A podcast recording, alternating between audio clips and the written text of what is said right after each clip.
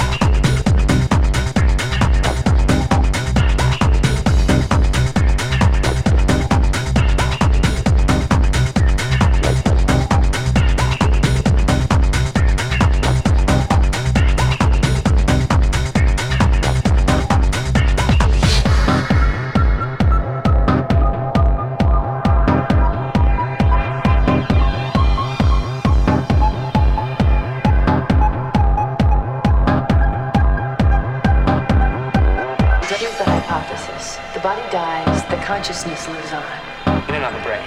Possible.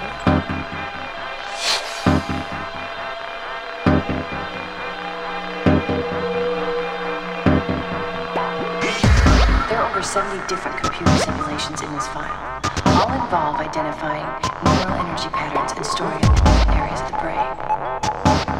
Well, there's plenty of room. A humanoid only uses a small portion of the brain.